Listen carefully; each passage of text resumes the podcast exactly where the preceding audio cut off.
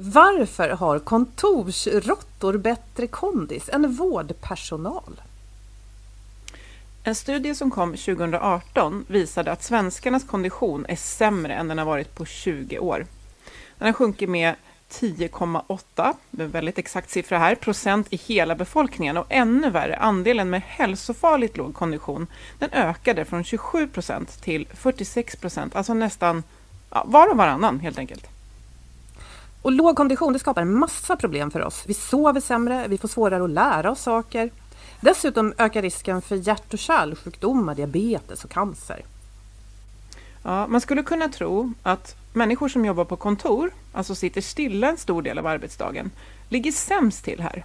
Medan byggjobbare och anställda inom vården, som ändå rör på sig mycket på jobbet, skulle ha bättre kondition. Men så är det inte. Nej, förvånande nog är det faktiskt tvärtom. Och det här fenomenet kallas för aktivitetsparadoxen. Vad det är för något och varför det blir så här, det ska vi prata om idag med forskaren Elin Ekblom Bak.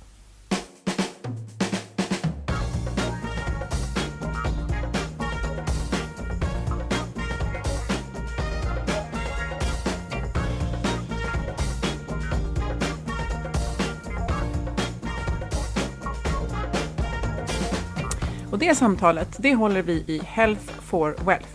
I över sju år har vi poddat om hälsa på jobbet eftersom människor som mår bra kan prestera bra.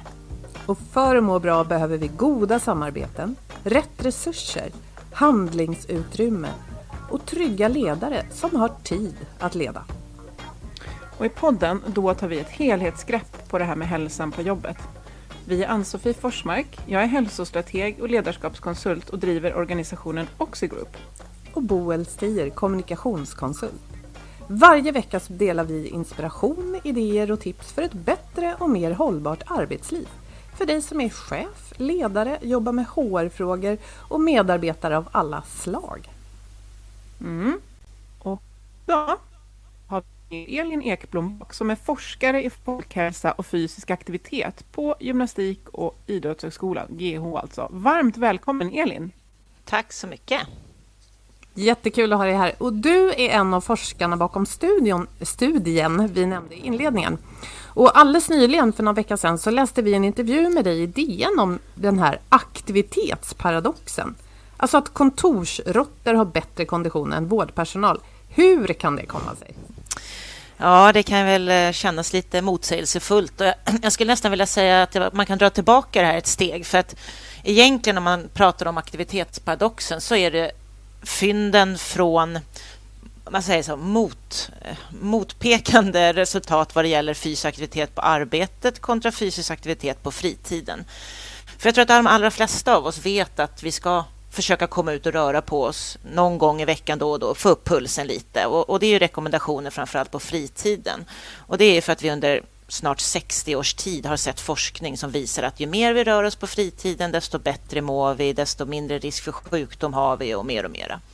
Men lite nyare studier har kikat på det här med fysisk aktivitet fast på arbetet och ser omvända samband, det vill säga ju mer vi rör oss, desto sämre mår vi och desto högre risk har vi för sjukdom eller i vissa fall har vi i alla fall ingen vinst av det och då, och då blir den här paradoxen. Ja, men vad spelar det för roll om vi rör oss klockan två på dagen och så gör vi samma sak klockan sju på kvällen? Alltså, skulle det vara någon skillnad? Och det är det som är liksom själva det paradoxala i det här.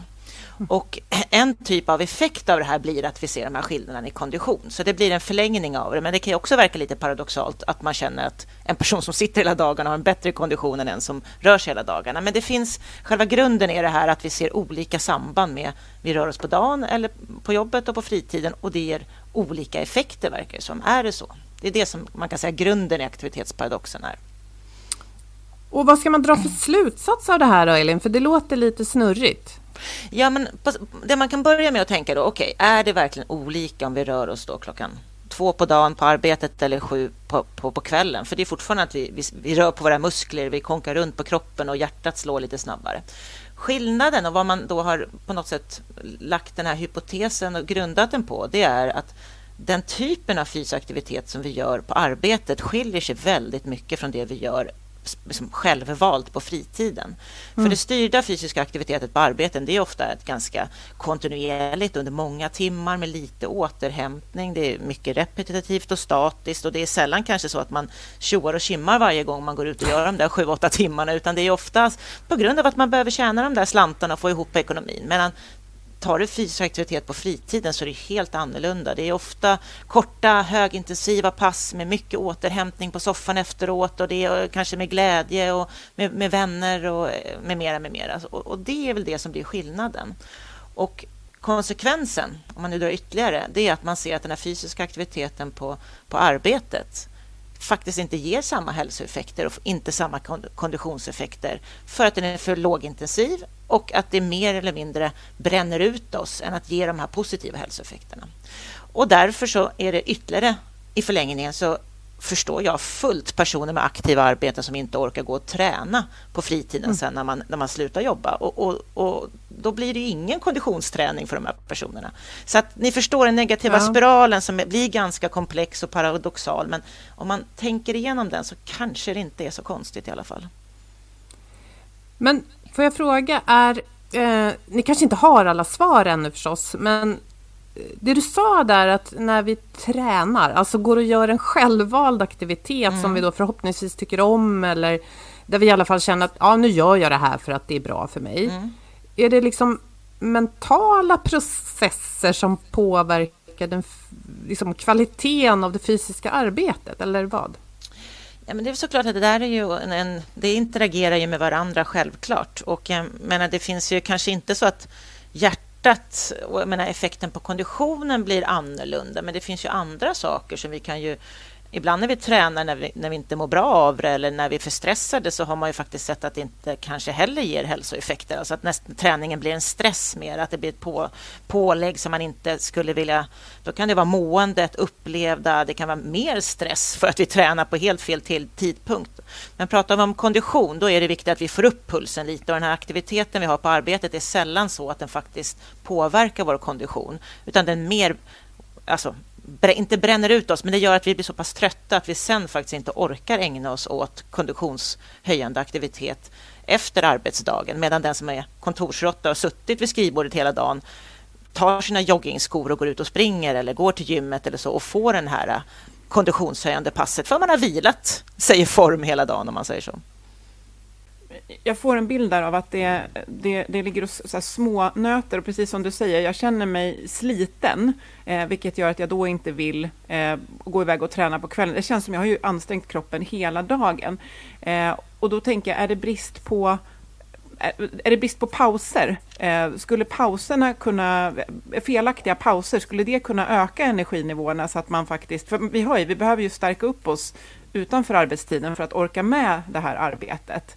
Vad, nu är jag inne på att söka lösningar här såklart, men eh, eh, är det någonting man ser skulle kunna avhjälpa den här känslan av att bli utnött under arbetsdagen? Ja, men absolut. Du är inne på, på en väldigt viktig del och, i, i det här. Eh, för att om man tänker så att vi fungerar människor som bäst när vi har en balans mellan aktivitet och vila. Och, och, för väldigt många i dagens samhälle så är det alldeles för mycket vila och för lite fysisk aktivitet. Och det är de vi försöker få igång mer och med kom ut på en promenad i alla fall och så. Men det här är en helt annan grupp. De har ju för mycket fysisk aktivitet totalt sett och för lite vila. Så att jag tror inte att det ens skulle vara hälsosamt att säga nu har du hållit igång här åtta timmar utan vila i arbetet. Nu ska vi träna konditionsträning för det, du måste ju stärka mm. upp det. Nej, men det blir ju bara ännu mer. Det bränner nog förmodligen ännu mer ut de här individerna. Så det är precis som du säger. Vi måste nog, och, och en grundtanke, en av, av lösningarna, det är att man ska försöka göra fysisk aktivitet på arbetet mer hälsosam och kanske mer lik den som vi gör på fritiden. Det vill säga lägg in avbrott, pauser, kanske lite mer pulshöjande moment. Alltså, det finns ju arbetsplatser som redan nu försökt med det här med rotations... Alltså rotera platser på arbetet så man inte gör samma sak hela tiden. Man kanske får någon timme med mer inaktiva skrivbordsbaserade aktiviteter och sen går man ut lite mer aktivt. Så absolut, kan vi få in pauser och mer återhämtning i arbetsdagen så får vi en mer hälsosam arbetssituation och vi får förmodligen ork och kraft och att det är bra för oss att kunna gå iväg och träna någon någon gång, två gånger i veckan kanske, för att stärka mm. konditionen. För att sen också orka det här med aktiva arbetet man har. Så att du är inne på absolut rätt spår. Life is full of what ifs. Some awesome, like what if AI could fold your laundry?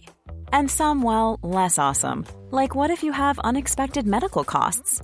United Healthcare can help get you covered with Health Protector Guard fixed indemnity insurance plans. They supplement your primary plan to help you manage out of pocket costs. No deductibles, no enrollment periods, and especially no more what ifs. Visit uh1.com to find the Health Protector Guard plan for you. Millions of people have lost weight with personalized plans from Noom, like Evan, who can't stand salads and still lost 50 pounds. Salads, generally, for most people, are the easy button, right? For me, that wasn't an option. I never really was a salad guy. That's just not who I am. But Noom worked for me. Get your personalized plan today at Noom.com. Real Noom user compensated to provide their story. In four weeks, the typical Noom user can expect to lose one to two pounds per week. Individual results may vary. I'm Sandra, and I'm just the professional your small business was looking for. But you didn't hire me because you didn't use LinkedIn jobs. LinkedIn has professionals you can't find anywhere else, including those who aren't actively looking for a new job but might be open to the perfect role, like me. In a given month, over 70% of LinkedIn users don't visit other leading job sites. So if you're not looking on LinkedIn, you'll miss out on great candidates like Sandra. Start hiring professionals like a professional. Post your free job on linkedin.com/people today. Men det är intressant. Hur, hur em, känner, du till jag några, det- känner du till några praktiska exempel, Elin, från praktiska yrken? Där man har testat, du nämnde rotation till exempel, eller Mm. där man har gjort saker som eh, har visat sig vara bra. Ja, alltså det här är ju, alltså lösningen på det här är ju ett steg längre än vad man många gånger önskar. Man önskar ju peka på individen och säga hallå, du har ett aktivt krävande arbete, du har en jättedålig kondition, kom igen, snäppa till dig om man säger så. Det är ju väldigt lätt att lägga det här ansvaret på individen, men det här är så otroligt mycket mer komplext eftersom vi inte, vad vi gör på arbetet är ju inte riktigt det vi har själv valt om man säger så. Så att vi måste ju ta det nästa steg och då är det återigen det tråkiga forskarsvaret. Det beror ju lite på. Vi måste ju se vilken typ av arbets Eh, uppgifter vi har. Hur kan vi anpassa situationen så att vi kan rotera? Det kanske inte går alltid, men hur kan vi lösa det? Hur kan vi se till att våra arbetare inte kontinuerligt håller på i sju, åtta timmar utan får paus och roterar? Några exempel är ju till exempel inom, inom byggbranschen vet att det finns ett par, eh, det finns en, en, just den här tanken om att man har uppvärmning på morgonen för alla. Det är en sak också, det är att man kommer igång med lite morgongympa inom situationstecken och att man också roterar då mellan olika arbetsuppgifter så man inte har samma. Eh, Det finns, eh, nere i Danmark är man väldigt framåt vad det gäller forskning på det här. Man kallar det till och med för the Goldilocks principle eller Guldlockprincipen. Och det är ju med bas i den här Guldlock och de tre björnarna när hon kommer in och provar gröten och sängen och, och stolen och allt ska ju vara just liksom right, precis lagom för henne då, för att det ska passa henne. Och det är samma sak här. Kan vi skapa ett arbete så det blir precis rätt för dig som arbetar? Och då har man till exempel har man tagit, eh, en, hade man ett företag där man, man, man har gått ut och provat den här metoden. Till exempel hade man ett företag som var sopåkare. Och då hade man förut så att man hade samma person som satt och körde eh, sopbilen under hela passet och samma person som sen var ute och drog i de här eh, soptunnorna och höll på rent fysiskt. Och det man gjorde var enkelt att man bytte. Så att man varje halvtimme eller varje timme bytte eh, arbetsuppgifter och fick den här eh, avbrottet helt enkelt. Ett annat är till exempel eh, Eh, förskolepersonal som då går och står mycket och kanske lyfter och så, men får inte den här pulshöjande aktiviteten under och är väldigt trött då när det väl dagen tar slut. Vad man gjorde var att man man, man, man titt- vad gör ni då på rasterna när ni är ute med barnen, ute liksom på, äh, på rastgården? Ja, men då stod de ju stilla och hade uppsikt över barnen. Och så sa man, men vet ni vad? En gång varje förmiddag och eftermiddag så ger ut i leken. Var med 10-15 minuter och den, de fick ju upp pulsen enormt mycket genom att springa runt med barnen och så. Och sen kunde de vila. Så då fick de en liten pulshöjande aktivitet mitt under arbetsdagen eh, två gånger. Och det var deras sätt då att få in den här mer positiva fysiska aktiviteten under dagen för att sen kunna vila. Så att det är två, två exempel som man har lyft fram. Har, har ni sett exempel på där man eh, faktiskt får till så mycket eh, ansträngning och vila under arbetsdagen att det i sig räcker som... Alltså jag behöver inte träna utanför utan jag har lagt upp mitt jobb så, så att jag liksom stärks av jobbet. Skulle det kunna bli så? Ja. Ja, men alltså, om man säger så här, alltså, kroppen bryr sig egentligen inte hur, liksom egentligen när vi rör oss, om det är med de finaste nya träningskläderna på det där eh, träningsstället som man vill vara när alla andra är, eller om det är mitt på dagen under arbetstid.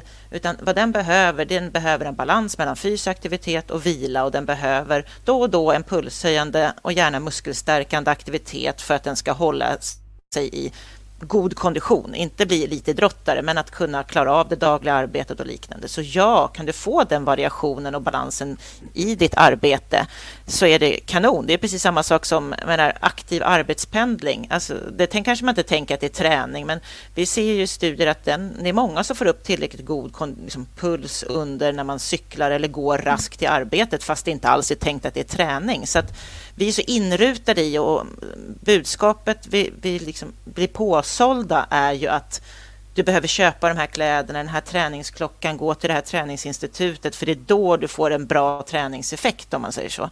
Mm. Eh, och det passar väldigt många. Och det är jättebra för dem, men om det inte passar och om det inte finns tid för att göra det här eller inte har råd och så, så finns det många andra alternativ i vardagen där man faktiskt kan få till den fysiska aktivitet man behöver för att må bra. Inte för att bli lite drottare, för då måste vi kanske tänka ett par steg till, men, men, men för att må bra. Mm. Men jag tänker som eh, byggjobbare till exempel, för nu nämnde ju du mm. två exempel med eh, sopåkare och med förskolepersonal.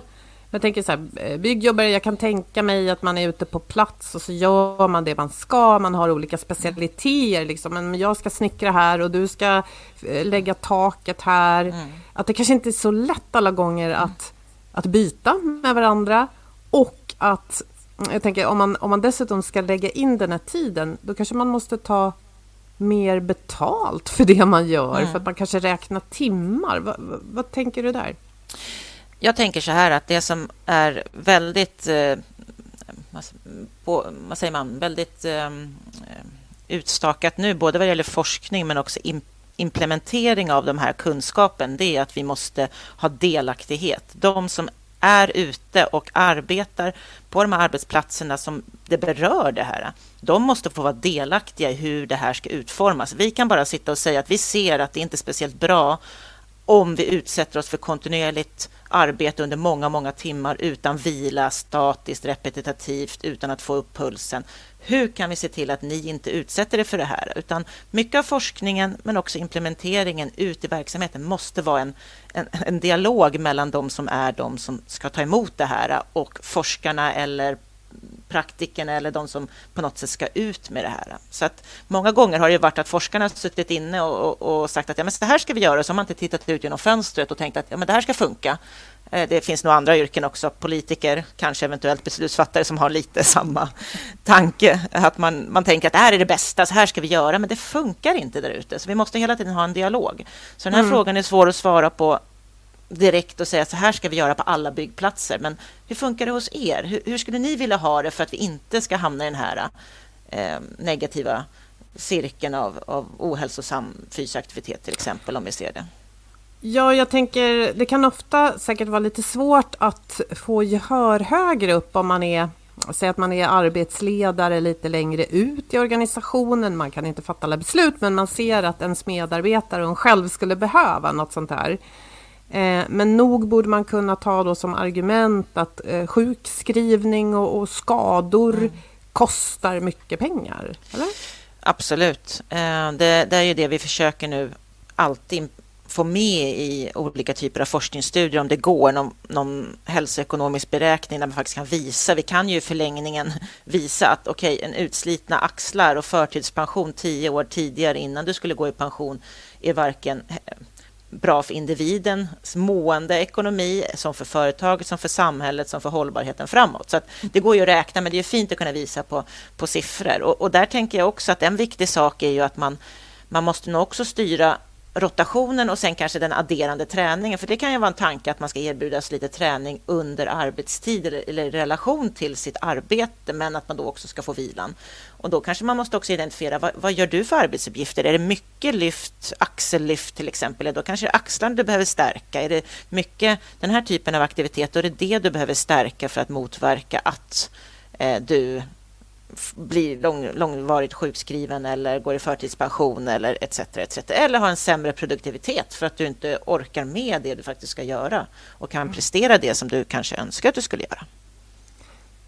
Ja, jag tänkte hugga där på att eh, eh, alltså en Eh, Eh, jag vet att från, från den hälso, hälsoekonomiska utbildningen som jag har gått så har jag, nu kommer jag inte ihåg exakta beräkningar, men vi vet att det krävs en viss, eh, nu har vi pratat liksom, om muskelstyrka och klara av att stå emot och så, men att det krävs en viss kondition för att klara både kontorsarbete på åtta timmar varje dag, eh, men alltså självklart då i ett arbete som både kombinerar att jag behöver tänka och fatta avancerade beslut, tänk till exempel på en sjuksköterska, men också behöva röra mig. Så att, eh, det kan ju ligga så nära att kan vi liksom ha argument för att eh, vad händer om jag inte har tillräckligt bra kondition eh, och är helt utsliten? Hur påverkar det förutsättningarna för de här mer Liksom, där det som sagt både hjärna och kroppen mm. behöver jobba. Hur påverkar det förutsättningarna att göra sitt jobb? Kan vi sätta där?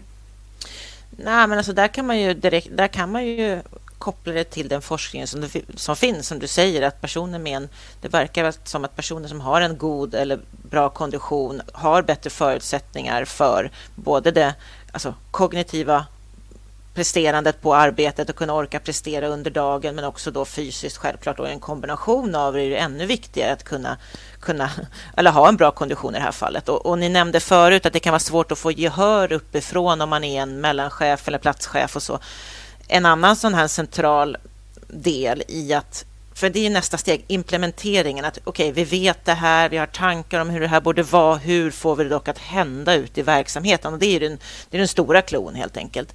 Och, och, en av de nyckeldelarna här är ju självklart att det här ska genomsyra hela organisationen, egentligen där chefen och styrgruppen ska ju gå i bräschen och, och se det här som ett långsiktigt arbete och inte ett kort projekt som man ja, ja, ja, det här river vi av och sen fokuserar vi på något annat. Men det här är naturligt för oss som sitter här, men, men det är ju en extremt viktig del för att få det att bli hållbart på längre sikt helt enkelt, att det ska bli någonting som blir implementerat.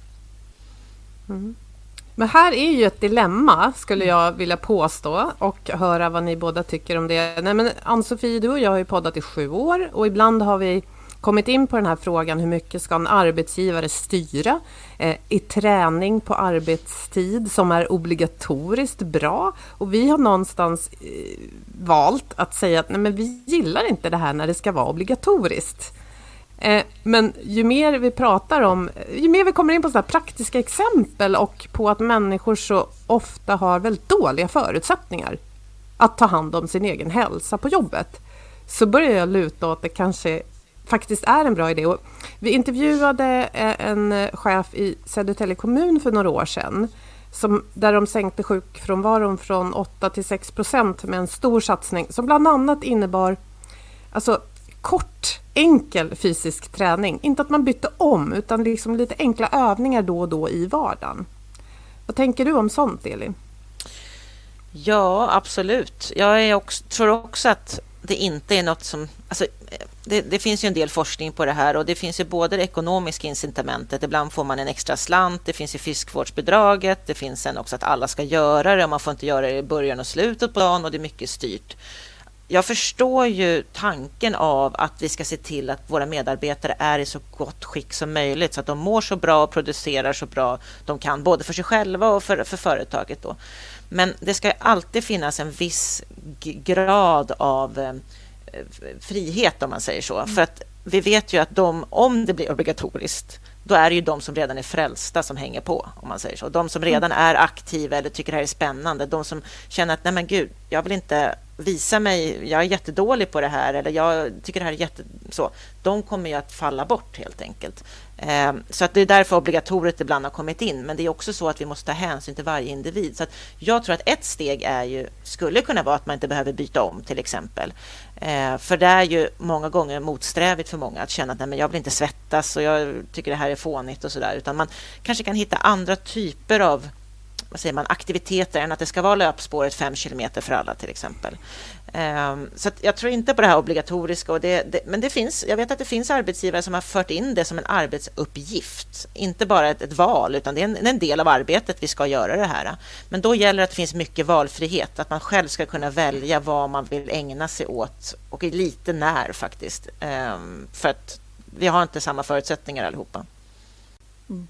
Vi, vi, kan ju allt mer och mer om massa saker, framförallt hur vi människor motiveras och vad som är nycklarna för att vilja göra någonting. Men jag, jag tänker testa en tanke här att vi, det finns ju i just sådana här yrken så finns det väldigt mycket förhållningsregler till eh, till exempel runt tunga lyft, säkerhetsföreskrifter med hjälmar och så vidare.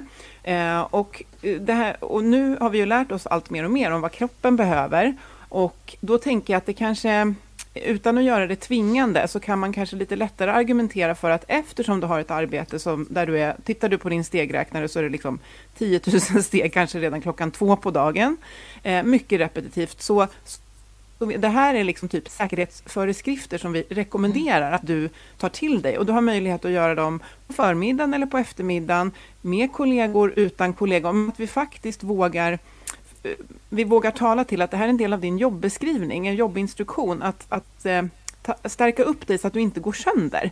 Eh, men jag tror att som är det mesta, för att vi, vi människor, vi vill bli sedda, lyssnade på, involverade och delaktiga. Vi vill inte bli sedda, nu ska alla springa intervaller klockan eh, och alla måste träna klockan tillsammans och sådär, utan här är det ju faktiskt kopplat till att klara jobbet på ett bra sätt och må bra. Alltså, kanske kan vi komma dit någon gång, att det är, ja, Mm. Den Nej, vägen, absolut. så att säga. Ja, jag håller, jag håller med dig fullt, fullt så, för att det är ju logiskt att om vi nu ska ha föreskrifter för att skydda oss mot många olika yttre påfrestningar i jobbet, om det är buller eller kemiska, vad det än är, så har vi föreskrifter för det. Det är såklart att vi på något sätt skulle se till att medarbetaren är tillräckligt god vigör för att klara av sitt yrke och göra det under hela sitt arbetsliv. Absolut. Eh, däremot så tror jag att det måste gå mer mot det individbaserade, individuella. och det är ju nästa steg, att man ser till, okej, okay, vem är du? Vad har du för krav i yrket? Det här skulle du behöva stöttning med, så här skulle du vilja ha det gjort. Till exempel tittar man på andra delar, det finns ju något som till exempel heter fysisk aktivitet på recept som har varit lite debatterat i, i Sverige och utomlands. Skillnaden med den svenska modellen det är att den här när man får fysisk aktivitet på recept av sin läkare så är det individanpassat. Det vill säga, vem är du? Hur vill du göra det? Hur ska du uppnå det vi har kommit, liksom, det du vill göra? Och det har visat sig ha relativt god effekt för att det just blir individanpassat. Medan den här modellen utomlands, det heter exercise on prescription, då får man det här och så säger man gå här 12 veckor i den här gruppen, så så, träna på här borta och så har man egentligen ingen anpassning till individen. Och det är lite samma sak. Vad vi har kommit många gånger det är att vi säger alla ska gå här och träna bort det här passet så blir det bra för alla. Vi måste nog lägga på ytterligare lite effort att se varje individ och anpassa det och kanske ha en progressionsplan att följa upp efter ett halvår och se hur gick det här nu? Hur tar vi det här vidare? Hur tyckte du det här var? Etc. etc. Få, få beständighet. Men det blir ju krångligare och krångligare och det krävs mer och mer av arbetsgivare, av organisation, individ. Men om vi ska komma någonstans så måste vi nog vi kan, det finns inga quick fix om man säger så, för, för, att nå de som behöver det mest. För det är de vi är ute efter här, de som verkligen behöver det mest. Mm. Mm. Vi eh, gjorde ett avsnitt nummer nio en gång i tiden. Eh, 2016. Då var vi nya som poddare och då pratade vi med en eh, hemtjänstenhet i Ham Halmstad som tredubblade sina frisktal på ett år. Och, eh, nu ska inte jag gå igenom i detalj vad det var, men det handlade väldigt mycket om frivillighet, individanpassning och som jag tyckte var så intressant är att det handlade inte om att ta in eh, en massa externa konsulter som skulle hjälpa till med löpträning eller, eller någon typ av pass, utan att var och en fick göra sin plan, att chefen gjorde samma sak och att man drev det, förstås med extern hjälp, för att få syn på vad man behövde stärka och vad var och en behövde. Men att man drev det utifrån liksom ett arbetsplatsperspektiv och utifrån varje individ. Det tyckte jag var intressant. Ja, och många gånger så är det ju informella ledare som inte alls behöver vara den som är ledaren på pappret som kan vara den viktiga. Man kan hitta grupper i grupperna, att man känner en tillhörighet. För det som du säger, det finns ju många olika sådana här teorier vad som gör att vi finner en inre och motivationen. Yttre motivation kanske inte lika beständigt, men hur får vi fram den inre motivationen? Och det är ju en sån här sak att till exempel det du nämner, autonomi, att jag själv får ha valfrihet. Eh, många gånger upplever man ju kompetens, att man känner att det här är faktiskt något jag faktiskt klarar av ganska bra. Och, och eh, det kan ju vara så enkelt som en promenad, för det klarar de flesta. Man känner sig inte dålig i alla fall på det. Man kanske har i bagaget av att man har känt att man har varit dålig på någonting och det vill jag inte utsätta mig för, utan jag vill välja någonting som jag klarar av utan problem, så jag inte behöver känna någon ångest för det. Och sen det tredje då, som du säger, att det finns en, en samhörighet, en gemenskap, och man gör det tillsammans. Och då kanske man behöver en grupp i gruppen där man har en gemenskap. Jag kanske inte känner att den här Alltså, nu, nu tar det åt andra hållet, till exempel, jag är den hurtiga, så känner jag att jag vill hänga med dem som vill ut och springa och vi delar samma intressen och så. Vi går ut och springer, men jag känner inte alls för det, utan jag tar hellre den där sköna promenaden i Hagaparken och, och lyssnar på fåglarna och, och, promenerar och pratar om någonting annat. Så att, mm. jag menar, det där att hitta gruppen i gruppen är också väldigt viktigt. Och vad gör det sen också med arbets gemenskapen. Superviktigt. Att man kan ju få fler effekter av det hela också. Det är inte bara den fysiska aktiviteten utan sociala aspekter etc. Mm. etc. som kan vara viktigt. Mm. Men det låter ju hur som helst som att, eh, skulle jag vilja påstå, att arbetsgivare inom praktiska yrken har ett större ansvar för att se till att deras anställda och medarbetare får förutsättningar att ta hand om sin fysiska hälsa. Håller du med om det, Elin? Ja, men I det här fallet så är det ju för att de utför en typ av arbetsuppgift under arbetstiden som deras arbetsgivare är ansvariga för inom situationstecken. Eh, då blir det ju mer hands-on, en mer diskussion kring det. Sen, sen är det är ungefär, vad säger man, 25-30 procent av den arbetsföra svenska befolkningen i, i, som i arbete som har någon form av mer aktivt arbete. Fokus idag och in, tidigare har ju väldigt mycket legat på de här 70 andra procenten, de som inte rör sig tillräckligt mycket på jobbet och arbetsgivarna. Vad har vi för ansvar egentligen för att våra kontorsarbetare ska må bra utanför och försöka få dem att träna på arbetstid och friskvårdspeng och med mera, med mera. Men ni har ju varit inne på det redan, om man inte mår bra utanför arbetet, eh, har en lägre kondition, har ont, så presterar man ju också sämre på de här arbetena. Men det, det, blir inte lika tydligt som att du faktiskt ska ut och prestera på arbetet. Så att, att säga det, så är det, det, är lite, det är lite att dribbla emellan det, men, men eftersom ansvaret blir på arbetstid, att de ska utföra ett arbete i arbetsgivarens namn, så blir det ju mer, känner man, mer ett ansvar att se till att de orkar det. Mer än att mm. kanske den som är arbetsgivare för ett skrivbordsbaserat yrke där är det mer helheten för måendet som blir ansvaret och då är det frågan vad, vad kan man egentligen kräva av dem? Så. Mm. mm. Och jag tyckte det var, du var inne på det att alltså, det här med arbetsrotation är ju ett fantastiskt sätt att växla belastningen. Eh, men kan man då tänka det, liksom, det plus väldigt välplanerade raster där jag faktiskt vilar det som jag har ansträngt.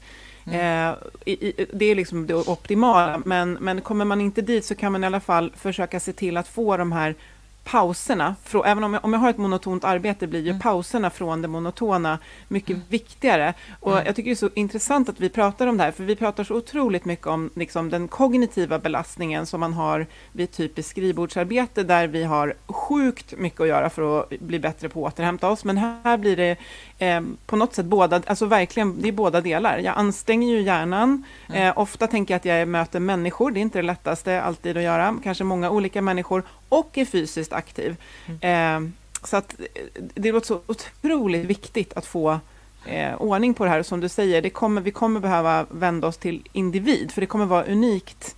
Eh, alltså en, en, en, en sopåkare jämfört med en, en sjuksyster, liksom det, mm. sjuksyster, sjuksyra, det är olika.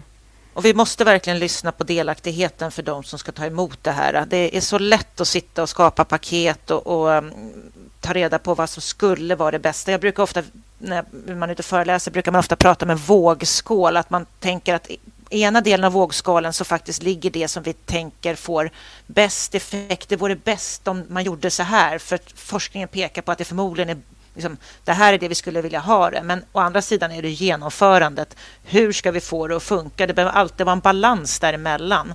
Att det inte alltid går att få in det man har hittat kanske skulle vara bäst inom situationstecken, utan man måste alltid se till hur går det då att genomföra det här och då måste man ha med personer och delaktighet av de som ska ta emot det här. Det, det är ju superviktigt.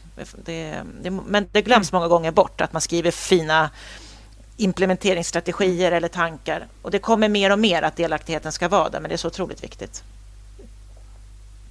Mm. Ja, och jag, jag tänker också att... Ett, um, faktiskt... Nej, fortsätt du Boel.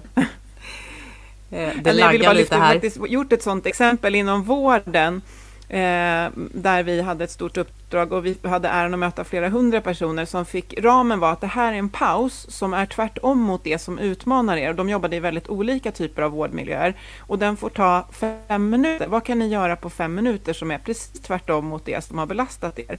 Och eh, det var, det var verkligen så här, men bara fem minuter. Jo, men för det tror vi faktiskt att vi alltid kan få till.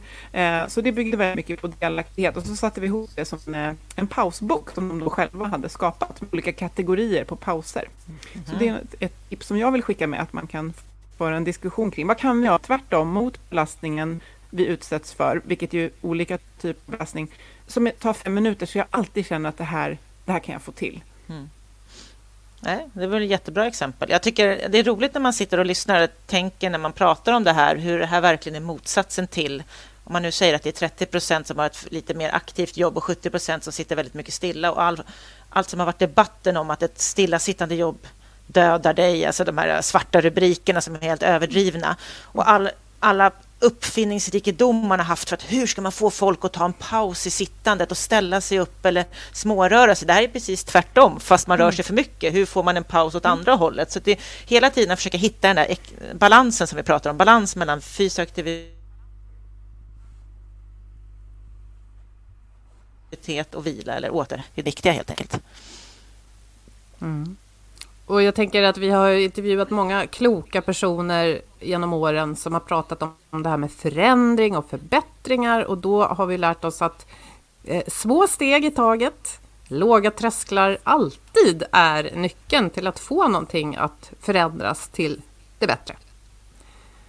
Men det kanske också är så att vi gärna vill göra allt på en gång och jag tänker också på det här med, med eh, ja, den, den, egna hälsan när vi läser massa hälsoråd och så kommer det så här eh, nya siffror från någon stor organisation att man ska man ska röra sig exakt så här många minuter varje dag och så mm. fastnar man lätt i det. Eh, och det skulle väl vara mycket, eh, mycket vunnet om vi istället kunde se, okej, okay, men om vi bara skruvar lite på verkligheten och gör lite, lite mer av det vi behöver, mm.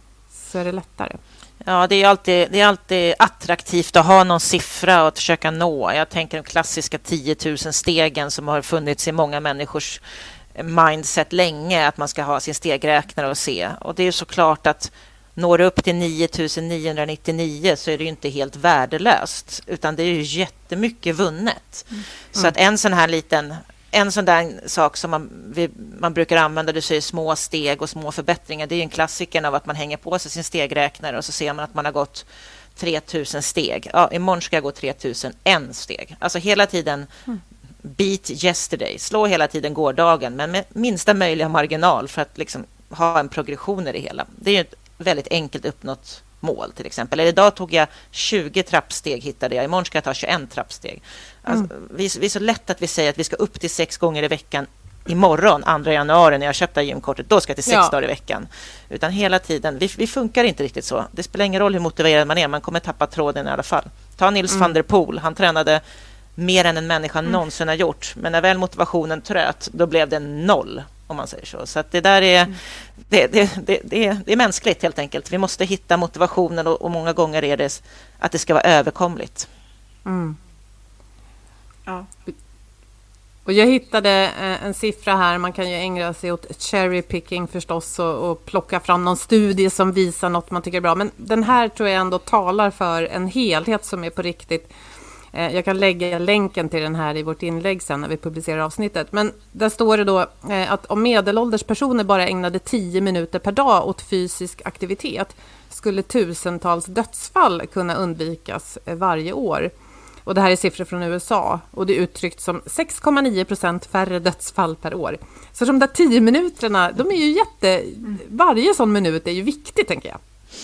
Ja, det här är ju en klassisk studie när man tagar en massa människor så jämför man dem som rör sig 10 minuter mer i genomsnitt. Ofta säger de det, så att det är frågan om det är det eller inte. Men, och så hittar man en generell trend och ser att det var färre som avled för tidigt i den gruppen som rörde sig mer och så drar man de här slutsatserna. Så frågan man kanske inte kan lova guld och gröna skogar. Men det finns ju väldigt mycket som händer i kroppen av relativt lite aktivitet. Det måste inte vara 10 000 steg varje dag. Det måste inte vara högintensiva intervaller. Utan, och framför allt för den som idag sitter och känner att men jag har ju världens sämsta kondition. Jag rör mig ju ingenting. Det är ju kört det här. Nej, du har faktiskt relativt sett mest att vinna av den ökade aktiviteten du gör. Och det, det, är inte alltid så att det syns direkt i ett blodtrycks, lägre blodtryck eller ett lägre blodsocker, utan måendet, alltså vår upplevda hälsa, sömn, med mera, det är ofta det som kommer först. Stress mm. till exempel. Det är ofta den upplevda hälsan som ganska momentant mår lite bättre av att vi kommer ut och får en, en promenad. Mm. Eh, både av att vi bryter av det vi gör men också av självklart av till exempel utevistelsen eller av att man träffar andra och pratar. Så ibland är det saker och ting som sker samtidigt med den fysiska aktiviteten som också är väldigt hälsobringande som man inte får glömma bort. Mm. Helheten. Mm. Jag tänker jag vill ändå komma in lite på, för du var inne på det och sen eh, pratade vi vidare om det här som var fokus, men just om vi tänker på att ganska många kontorsarbetare inom den eh, grupperingen kan jag säga, så är det ju en del som tränar väldigt, väldigt hårt och som just gör det efter arbetstid. Eh, där man ju kan se att kroppen har ju svårt att, och som sagt göra skillnad på som du säger, om jag är klädd i senaste skorna eller inte. Bara så. Och samma är ju också att jag kanske har stressat väldigt mycket under dagen, är stressad och pressad, absolut varit stilla och behöver röra på mig. Men vad, vad kan vi skicka med? För det här möter jag en del också nu ska jag väva mig ur det här jag har trasslat in mig i, men att mm. ganska ofta, nu säger de här som vi vill få igång eller vill hjälpa och som har allra mest nytta av att röra på sig, så de hjälps ju inte av att eh, alltså mållinjen blir för långt borta, du ska klara av ett maraton eller halvmaraton och träna intervallträning flera gånger i veckan, utan hälsonyttan är så enorm i att de bara sätter igång. Men väldigt ofta blir det de här högpresterande som sätter tonen. Och vi vet ju att många bränner ju ljuset i båda ändar. Alltså jag jobbar väldigt hårt och sen kanske jag tummar på min sömn och återhämtning för att träna hårt. Vad, vad kan man liksom skicka med och, och tänka kring för att man ska kunna inventera att jag kanske måste faktiskt backa i min fysiska träning för jag har inte utrymme återhämtningsmässigt. Det här är faktiskt negativt för hälsan. Vad, vad, ska man vara uppmärksam på där? För jag tänker det här blir ett medskick till arbetsgivaren också. Att vad ska vi, vad ska vi stötta och möjliggöra och liksom promota hos oss? Mm. Ja, absolut. Nu, du belyser en annan grupp nu som kanske får då för lite återhämtning, inte under arbetet utan att man, som du säger, både mental belastning, stress under arbetstid och sen så känner de att buffringen man får i och med att man tränar är ju den som gör att man faktiskt klarar av det. Det är många som upplever det. Men det är också en fin balans såklart. Du behöver ju återhämtningen där också. Ehm, jag skulle vilja säga så här att det, det är alltid så där, okej, okay, men vad är det vi tittar på i slutändan? Många gånger så får man frågan, är det här bra? Ja, men för vad då och varför och vad har du för mål? Så att många gånger får man ju se, är det för att man kanske har ett mål, man vill nå någonting? Vad är motivationen för man gör det? Men att uppmärksamma att ibland kan det faktiskt vara bättre att ta en lugn promenad ute och få den typen av mm, återhämtning än att ge sig ut och springa en timme stenhårt för att du känner att du sover för dåligt, du, etc, etc. Det finns många sådana signaler man skulle kunna titta på. Ligger på en konstant lite för hög puls till exempel. Alltså det finns ju sådana fysiologiska parametrar man kan uppmäta också. Så att å andra sidan, högpresterande kanske inte behöver mer heller, utan de behöver kanske en variation av återhämtning med de högpresterande passen också. Så att där måste man också lyssna till individernas motivation och varför gör man det här? Och är det så att du tror att det bara blir bättre ju mer du tränar eller är det en är det någonting i er lilla grupp som är att mm. det här ska man göra? Är, är det verkligen hälsosamt? Det är också individtänket, men åt, lite åt andra hållet. Men du, du är inne på rätt spår, att där måste man också lyssna på signaler och se till om återhämtningen, balansen, vila, eh, mm. fysisk aktivitet. Mm. Jag tänker mig våga på en summering och det, det är väl ofta så, nu gissar jag lite, jag kanske är fördomsfull, men att hälsosatsningar på arbetsplatser ofta handlar om det här att men nu ska vi träna ganska hårt. Eh, vi gör det i grupp och häng med nu och alla kanske inte vill. Men då skulle vi vilja hylla pausen, eh, den enkla promenaden, det som är enkelt att få till och där alla kan välja sin, eh, ja, sin variant av det beroende på då vad man gillar, vem man är, vad man behöver och också vad man jobbar med. och som du sa där, Ann-Sofie, att vad är det jag har gjort de senaste timmarna och vad behöver jag för att balansera det. Men att vi skulle vilja eh, sänka trösklar. Och kanske skickar jag med då, eh, får se vad du säger om det Elin, att arbetsgivare för de som har praktiska yrken har ett lite extra ansvar och att det ser lite annorlunda ut än för kontorsarbetare. Ja, om jag ska svara på om jag tyckte det var en bra summering så håller jag absolut med. Eh, det, det, var en ganska bra summering eh, och att man ska vara uppmärksam på att, att det där man gör det fysiska man gör på arbetet kanske inte alltid är ett träningspass som många tänker. Nu har jag ju tränat på jobbet utan att det, det blir kanske ibland för mycket för kroppen och vi måste fundera på om det är hälsosamt eller inte. Så att, men återigen, individanpassningen, individperspektivet är A och O. Tusen tack till Elin för det här samtalet och vi vill som alltid skicka med er ett lästips och har hittat en artikel hos vår samarbetspartner motivation.se som handlar om att motion är en typ av hjärnkraft, eller stärker hjärnkraften, och vi länkar till den från där du lyssnar på det här avsnittet. Tack för att du lyssnade och diskutera gärna med oss på LinkedIn och ge oss hemskt gärna en recension i Apples podcast-app. Det betyder mycket för oss. Så hörs vi om en vecka igen. Ha det fint! Må så gott!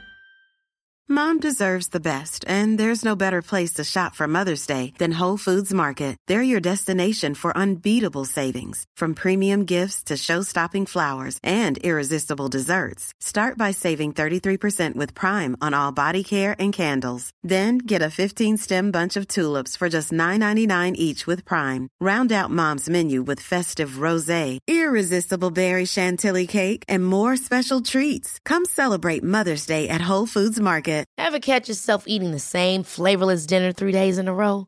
Dreaming of something better? Well, HelloFresh is your guilt-free dream come true, baby. It's me, Gigi Palmer.